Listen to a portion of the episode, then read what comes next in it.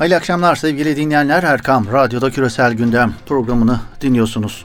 Küresel gündemde ön plana çıkan gelişmelerin perde arkasına ışık tutmaya çalıştığımız programımıza hoş geldiniz.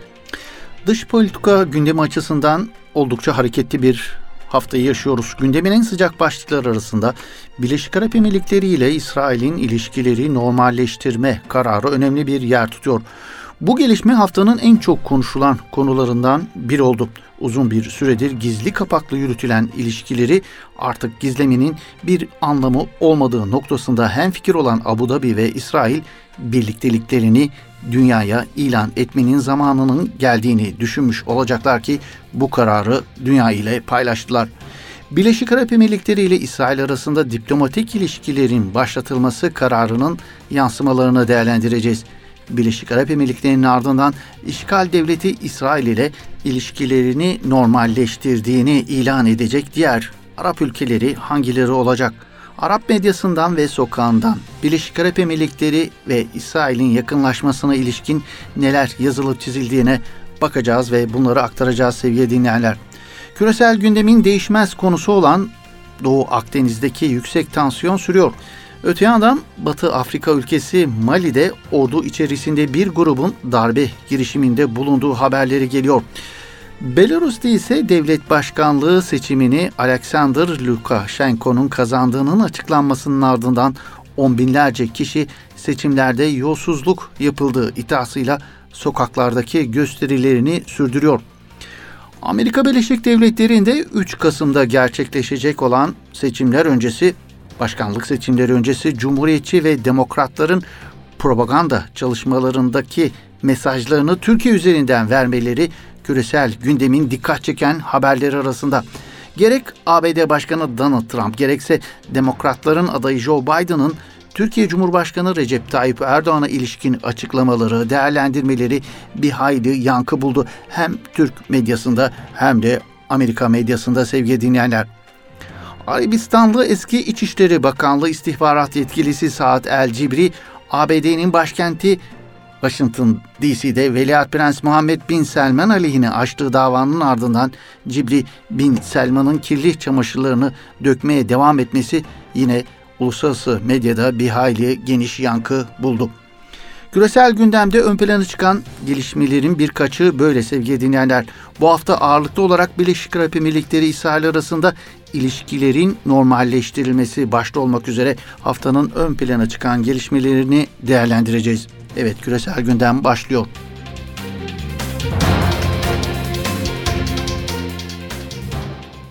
Orta Doğu'nun başı ülkesi haline gelen Birleşik Arap Emirlikleri ile işgal devleti İsrail'in uzun zamandır sürdürdükleri birlikteliklerini dünya kamuoyuna ilan etmeleri son günlerin en önemli gelişmelerinden biri oldu.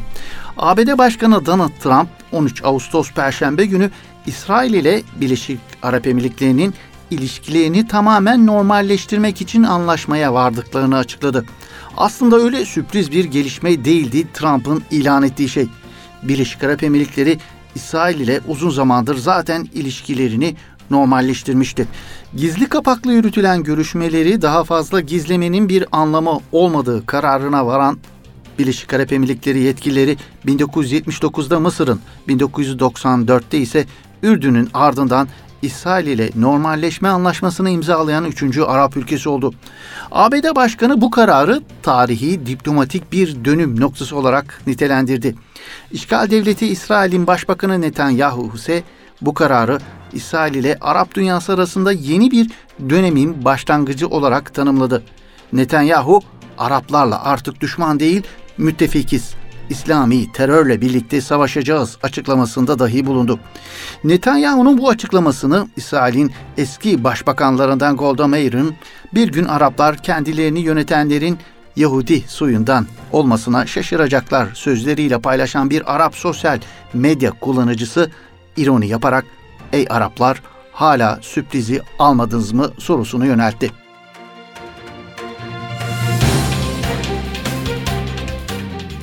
İsrail, Birleşik Arap Emirlikleri'nin ardından başka ülkelerle de diplomatik anlaşma yapabilir mi? Birleşik Arap Emirlikleri geçen hafta sonunda açıklanan diplomatik anlaşmayla İsrail'in ilişki kurduğu 3. Arap ülkesi olurken Suudi Arabistan'da dahil Orta Doğu ve Afrika'da başka ülkelerin de benzer anlaşmalara sıcak bakıp bakmayacağı tartışılıyor. Belki biraz zaman alabilir ama Riyad yönetiminin de Birleşik Arap Emirlikleri'nin ardından İsrail ile ilişkileri normalleştireceğine ilişkin beklenti bir hayli yüksek. ABD Başkanı Donald Trump'ın Orta Doğu konusundaki kıdemli danışmanı ve damadı Jared Kushner, İsrail ile Suudi Arabistan arasında ilişkilerin başlamasını kaçınılmaz olarak nitelendiriyor. Nitekim şu ana kadar İsrail ile Birleşik Arap Emirlikleri arasında diplomatik ilişkilerin yeniden başlatılmasına sessiz kalan ülkeler arasında Suudi Arabistan başı çekiyor. İsrail basınında yer alan haberlerde İsrail yönetiminin nihai amacının Suudi Arabistan ile ilişkilerin normalleştirilmesi olduğu öne sürülürken İsraili yetkililer Suudi Arabistan ile İsrail'in perde arkasında yürüttükleri temasların Birleşik Arap Emirlikleri üzerinden daha da artmasını beklediklerini ifade ediyorlar.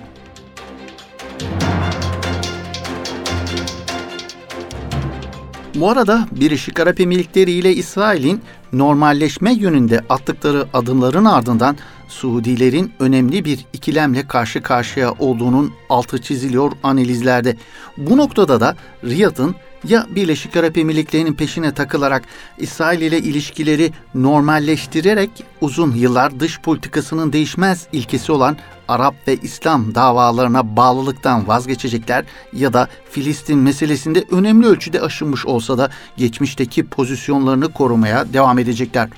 Filistin davası ve Filistinlilerin Suud medyasının görsel ve yazılı organları tarafından bir müddettir istiskal edilmesi göz önüne alındığında Riyad yönetiminin Abu Dhabi'nin peşine takılacağını öngörmek pekala mümkün sevgili dinleyenler. Filistin davası bizim davamız değildir. Mescid-i Aksa'nın işgalden kurtarılması şer'i bir vazife değildir türünden fetvalarla Suud kamuoyu uzun zamandır İsrail ile ilişkilerin normalleştirilmesine hazırlanıyordu zaten. Ancak Filistin davasını şeytanlaştırmaya yönelik Suud medyası ve sosyal medya trolleri tarafından yürütülen kara propagandaya rağmen Filistin konusunda Suudi Arabistan kamuoyundaki hassasiyet henüz tamamen törpülenmiş değil. Bu durum Riyad yönetiminin işgal devletiyle normalleşme adımlarını atmada bir hayli zorluyor.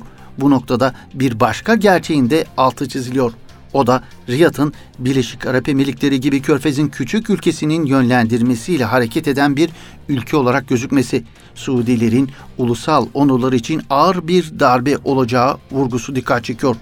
Bu noktada da Türkiye ve İran'dan algıladıkları askeri ve ideolojik tehditleri dengelemek için İsrail ve ABD'nin aktif desteğine şiddetle ihtiyaç duymaları ve içinde bulundukları ekonomik zorluklar Suudileri Birleşik Arap Emirlikleri'nin peşine takılmaya zorladığı değerlendirmesi dikkat çekiyor. Fakat ülkede böyle önemli bir politik değişimi taşıyabilecek güçlü bir siyasi iradenin yokluğu bu politikanın takibini zorlaştırıyor değerlendirmesinde bulunuyor. Uluslararası İlişkiler uzmanı akademisyen Doktor Necmettin Acar Anadolu Ajansı için kaleme aldı. Birleşik Arap Emirlikleri'nden sonra ihanet sırası Suudi Arabistan'da mı başlıklı analizinde.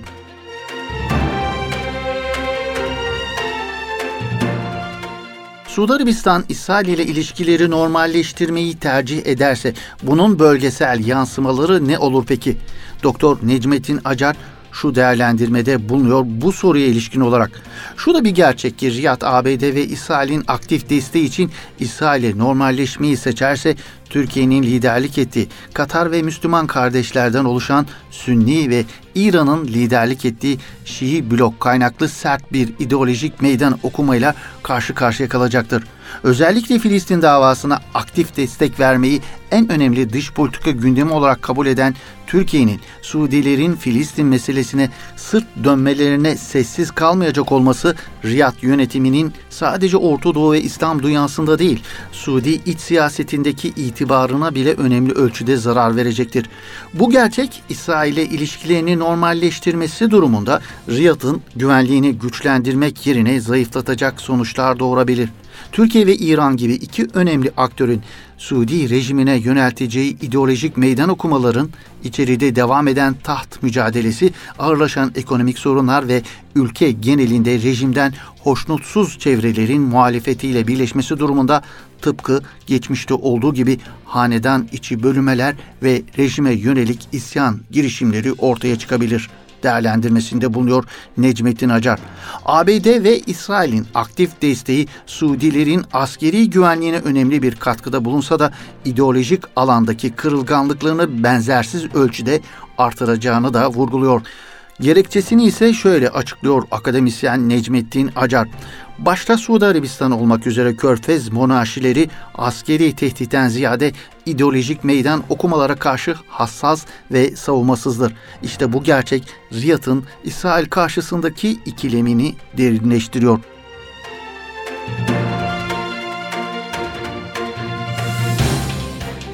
Birleşik Arap Emirlikleri ile İsrail'in ilişkileri normalleştirme kararının bölgesel yansımaları neler olacak peki?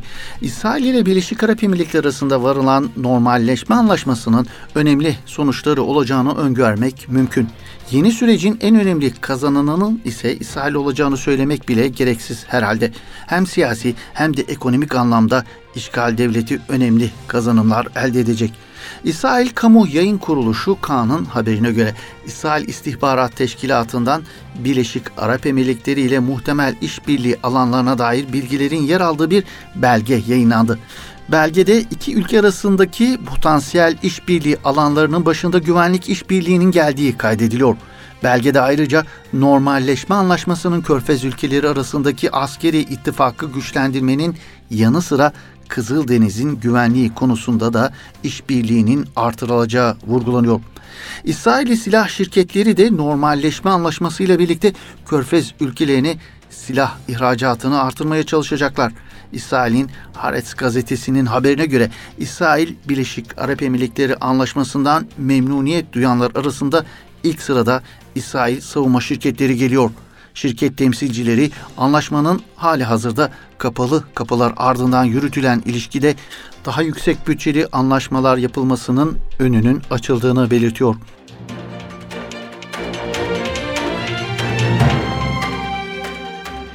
Birleşik Arap Emirlikleri ile İsrail arasındaki varılan bu normalleşme anlaşmasına ilişkin tepkileri biraz daha yakından bakalım isterseniz. İsrail ve Birleşik Arap Emirlikleri'nin anlaşmaya varması yönetimler nezdinde değil ama Arap sokağında önemli tepkilere neden oldu sevgili dinleyenler. Anlaşma Filistin davasına ihanet olarak değerlendirildi genel anlamda. Filistinli siyasi ve analistler Birleşik Arap Emirlikleri'nin İsrail ile ilişkilerini normalleştirdiğini kamuoyuna duyurmasıyla Arap barış girişiminin öldürüldüğünü ve uzun yıllardır üzerinde anlaşılan resmi kırmızı çizgilerin ihlal edildiğini söylüyorlar. İsrail ve Birleşik Arap Emirlikleri normalleşme açıklamasının ardından malum olduğu üzere devlet başkanı Mahmut Abbas Filistin'in Abu Dhabi Büyükelçisini derhal geri çekmişti. Mescid-i Aksa İmam Hatibi Şeyh İkrime Sabri ise Birleşik Arap Emirlikleri'nin ya da başkalarının İsrail ile normalleşmesi yeni bir şey değil. Bu daha önce gizli yapılıyordu. Şimdi aleni olduğu açıklamasında bulundu. Birleşik Arap Emirlikleri İsrail anlaşmasına en sert tepki gösteren ülke Türkiye oldu. Dışişleri Bakanlığı Filistin davasına ihanet eden Birleşik Arap Emirlikleri'nin riyakar davranışını bölge haklarının vicdanı asla affetmeyecektir ifadeleriyle kınadı Türk Dışişleri Bakanlığı. İran ise Birleşik Arap Emirlikleri'nin sahte ve suçlu İsrail rejimiyle ilişkileri normalleştirme adına yeni yaklaşımı barış ve güvenliği sağlamaz, yalnızca Siyonistlerin suçlarının devam etmesine hizmet eder şeklindeki ifadelerle Birleşik Arap Emirlikleri ile İsrail'in normalleştirilmesi kararı eleştirildi Tahran yönetimince.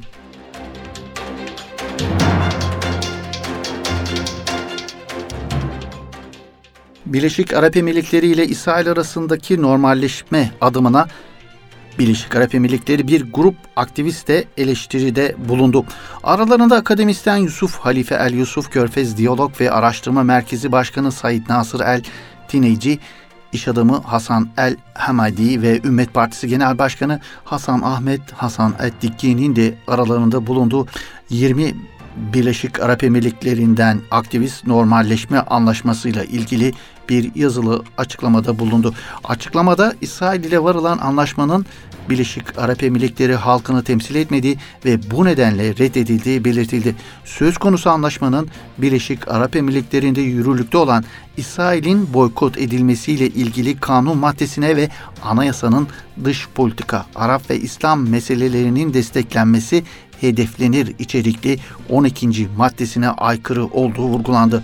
Anlaşmanın İsrail'in yayılmacılığını engelleyeceği ve Müslümanlara Mescid-i Aksa'da namaz kılma fırsatı vereceği yönünde Birleşik Arap Emirlikleri basınında yer alan söylemlerin dayanağı bulunmayan argümanlar olduğu kaydedilen açıklamada normalleşmenin realitede İsrail'in Filistin topraklarında hak sahibi olduğunu kabul etme anlamına geldiği belirtildi. Aktivistler Birleşik Arap Emirlikleri'nde ifade özgürlüğü olmaması ve devlet politikalarına karşı çıkanların hapis cezası alması nedeniyle halkın bu duruma sessiz kaldığını ancak bunun anlaşmayı kabul ettikleri anlamına gelmediği aktarıldı.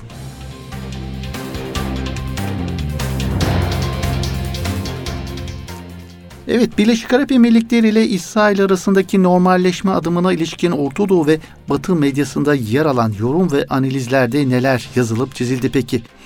İsrail medyasındaki değerlendirmelerde normalleşmeye ilişkin en büyük tepkinin Türkiye'den gelmesine dikkat çekildi.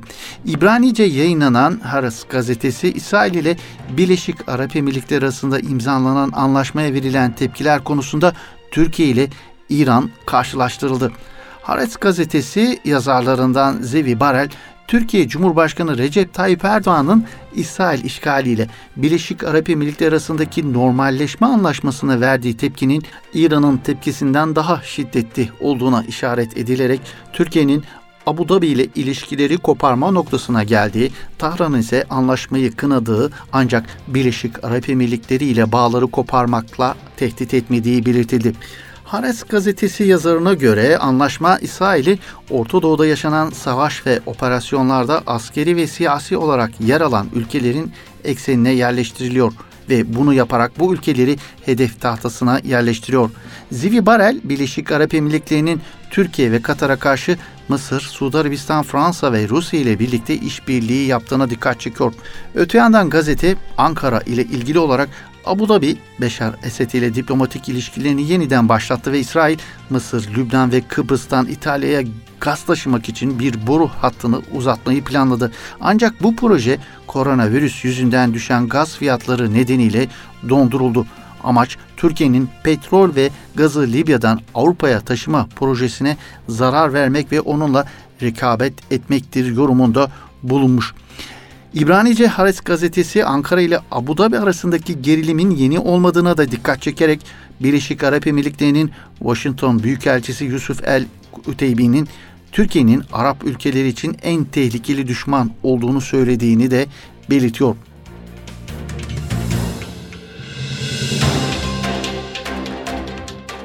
Birleşik Arap Emirlikleri İsrail ilişkilerinin normalleşmesi sonrası İsrail medyasına yansıyan ilginç haberlerden bir diğeri ise İsrail'in Birleşik Arap Emirlikleri'ne askeri teknoloji transferi yapıp yapmayacağına dair dillendirilenler olduğu sevgili dinleyenler.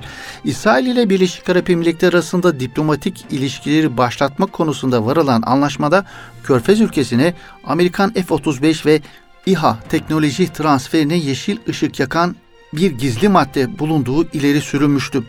7 Ot Ahronot gazetesinin ABD ve Birleşik Arap Emirlikleri'nden kaynaklara dayandırdığı habere göre anlaşmadaki gizli maddeyle Amerikan F-35 savaş uçakları ve İHA yani insansız hava aracı teknolojisinin Birleşik Arap Emirlikleri'ne satılmasının önü açılacaktı. İsrail bölgedeki diğer ülkelerin hava kuvvetlerinin güçlenmemesi için başta savaş uçağı ve İHA teknolojisi olmak üzere silah ticaretine şimdiye kadar karşı çıktığı biliniyor. İsrail ve ABD arasında 10 yıllardır geçerli mutabakat geri ABD bu ülkeleri askeri dengeyi değiştirebilecek silah ve teknoloji satışını gerçekleştirmiyor. İsrail'in başta F-35'ler olmak üzere Birleşik Arap Emirlikleri'ne askeri teknoloji transferi yapacağı yönündeki iddiaların aksine Netanyahu gizli maddeyle Birleşik Arap Emirlikleri'ne askeri teknoloji transferi yapılacağına dair medyaya yansıyan haberlerin ardından yaptığı açıklamada hükümetin bu konudaki tutumunda bir yumuşama olmadığını bildirdi. Netanyahu'nun ofisinden yapılan açıklamada Birleşik Arap Emirlikleri ile yapılan görüşmelerde İsrail Orta Doğu'daki herhangi bir ülkeye askeri dengeleri değiştirebilecek silah ve savunma teknolojileri satışı konusunda tutumunda bir değişikliğe gitmemiştir ifadelerine yer verildi. Hatta İsrail medyasından Haaretz'in haberine göre Netanyahu hükümeti Trump yönetiminden F-35 savaş uçaklarının Birleşik Arap Emirlikleri'ne satılmamasını talep ettiği belirtiliyor.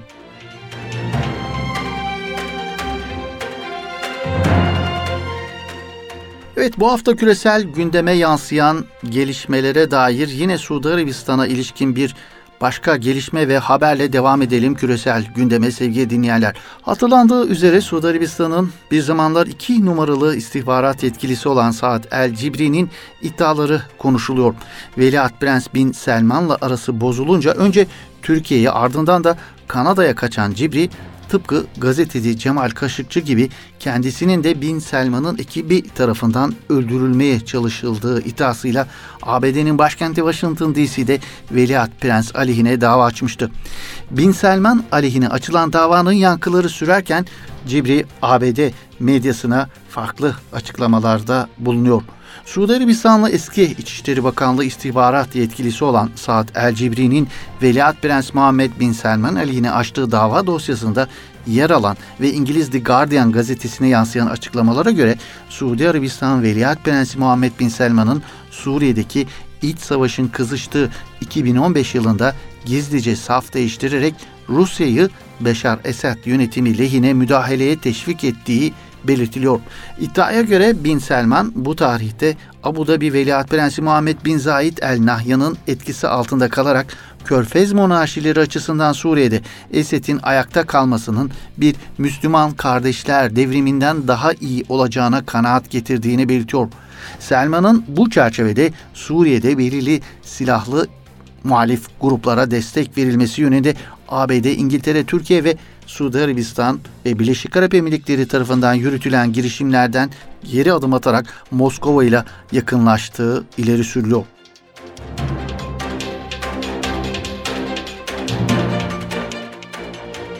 The Guardian gazetesinin bir kaynağı ise Şubat 2015'te o dönem Suudi Arabistan Savunma Bakanı olan Prens Selman ile Şeyh Muhammed arasında Abu Dhabi'de yapılan bir görüşmenin bu politika değişikliğinde etkili olduğu öne sürülüyor. Bu görüşme Bin Selman'ın hırsları, vizyonu ve inançları açısından bir dönüm noktasıydı diyen kaynak Şeyh Muhammed'in Suriye'de bir Müslüman kardeşler devrimi tehdidinin Körfez monarşileri açısından Esed'in ayakta kalmasından kötü olacağı tezini işlediğini anlatıyor. İddiaya göre Abu Dhabi Şeyhi Muhammed aynı zamanda Selman'a o dönem Veliaht Prens ve istihbarat şefi olan Amerikan yönetimi ve CIA ile yakın ilişkileri bulunan kuzeni Muhammed Bin Naif ile rekabet etmek istiyorsa Washington'ın ötesinde dostlar edinmesi telkininde bulundu. Kaynağa göre Şeyh Muhammed Selman'ı Çin ve Rusya'ya yeni ittifaklar aramaya teşvik etti.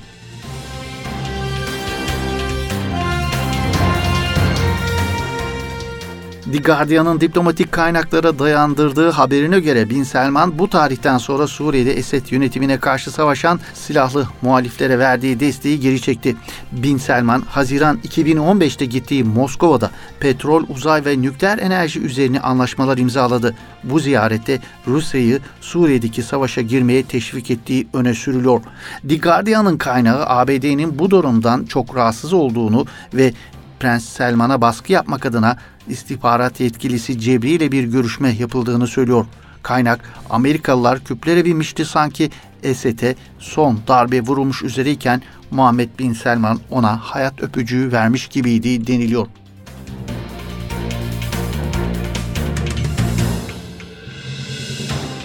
Amerika'da 3 Kasım'da gerçekleşecek başkanlık seçimi öncesi adaylar arasındaki propaganda savaşı iyiden iyiye kızışmış bulunuyor sevgili dinleyenler.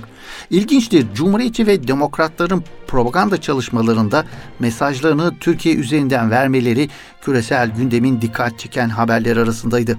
Gerek ABD Başkanı Donald Trump gerekse Demokratların adayı Joe Biden'ın Türkiye Cumhurbaşkanı Recep Tayyip Erdoğan'a ilişkin açıklamaları, değerlendirmeleri bir hayli yankı buldu hem Türkiye'de hem de uluslararası medyada. Özellikle Demokrat Parti'nin adayı Joe Biden'ın Aralık ayında Cumhurbaşkanı Recep Tayyip Erdoğan hakkında yaptığı bir konuşma Türkiye'nin gündemine oturdu. Konuşmasında Cumhurbaşkanı Erdoğan'ın seçimleri kaybetmesi için muhalefetin desteklenmesi ve cesaretlenmesi gerektiğini dile getiren Biden, yayınlanmayan ancak sonradan medyaya yansıyan konuşmasında ayrıca Erdoğan'ı darbeyle değil seçimle değiştireceğiz ifadelerini kullanıyor.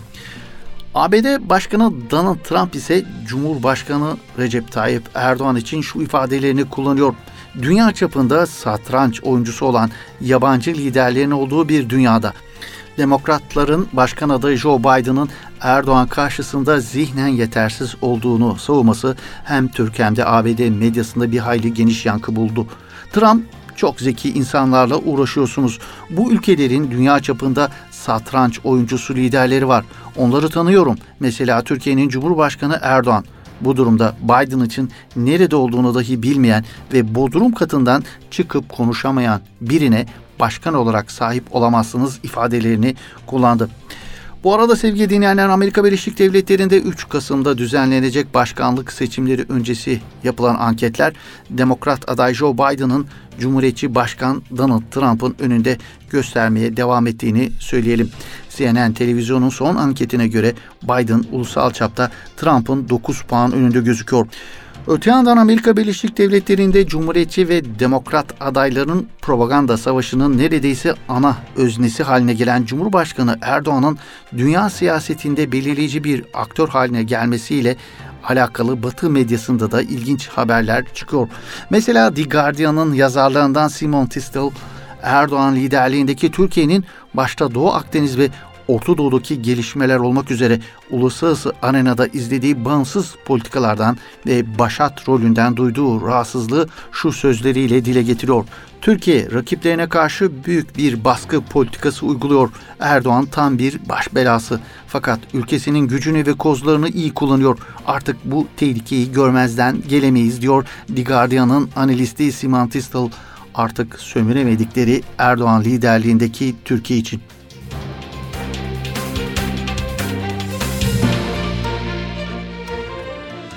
Belarus'ta 9 Ağustos'ta yapılan Cumhurbaşkanlığı seçimleri sonrası patlak veren kitlesel gösteriler 9. gününe girerken protesto gösterilerinin nereye evrileceği küresel gündemde cevabı aranan sorular arasında sevgili dinlerler.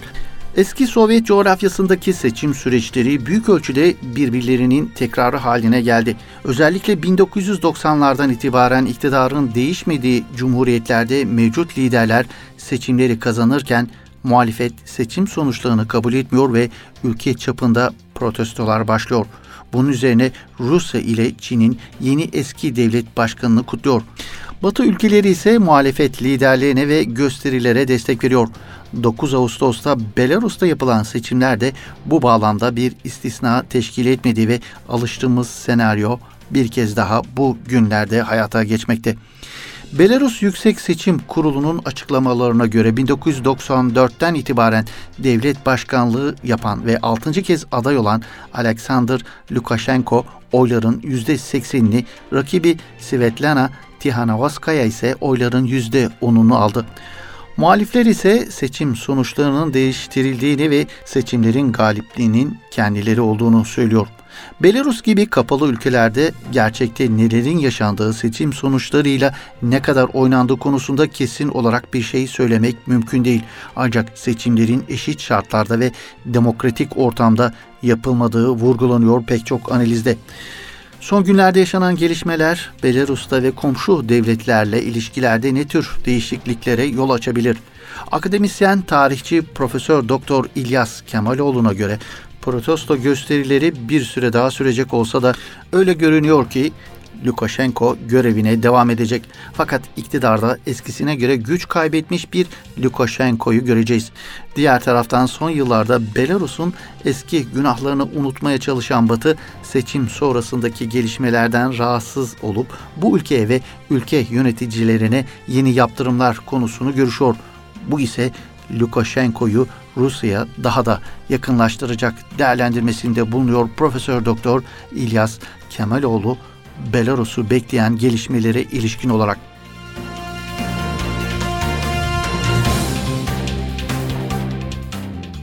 Evet sevgili dinleyenler Belarus'a ilişkin bu analizle birlikte bugünkü küresel gündem programımızın böylelikle sonuna gelmiş bulunuyoruz. Yeni bir küresel gündem programında buluşmak ümidiyle hoşçakalın. İyi akşamlar efendim.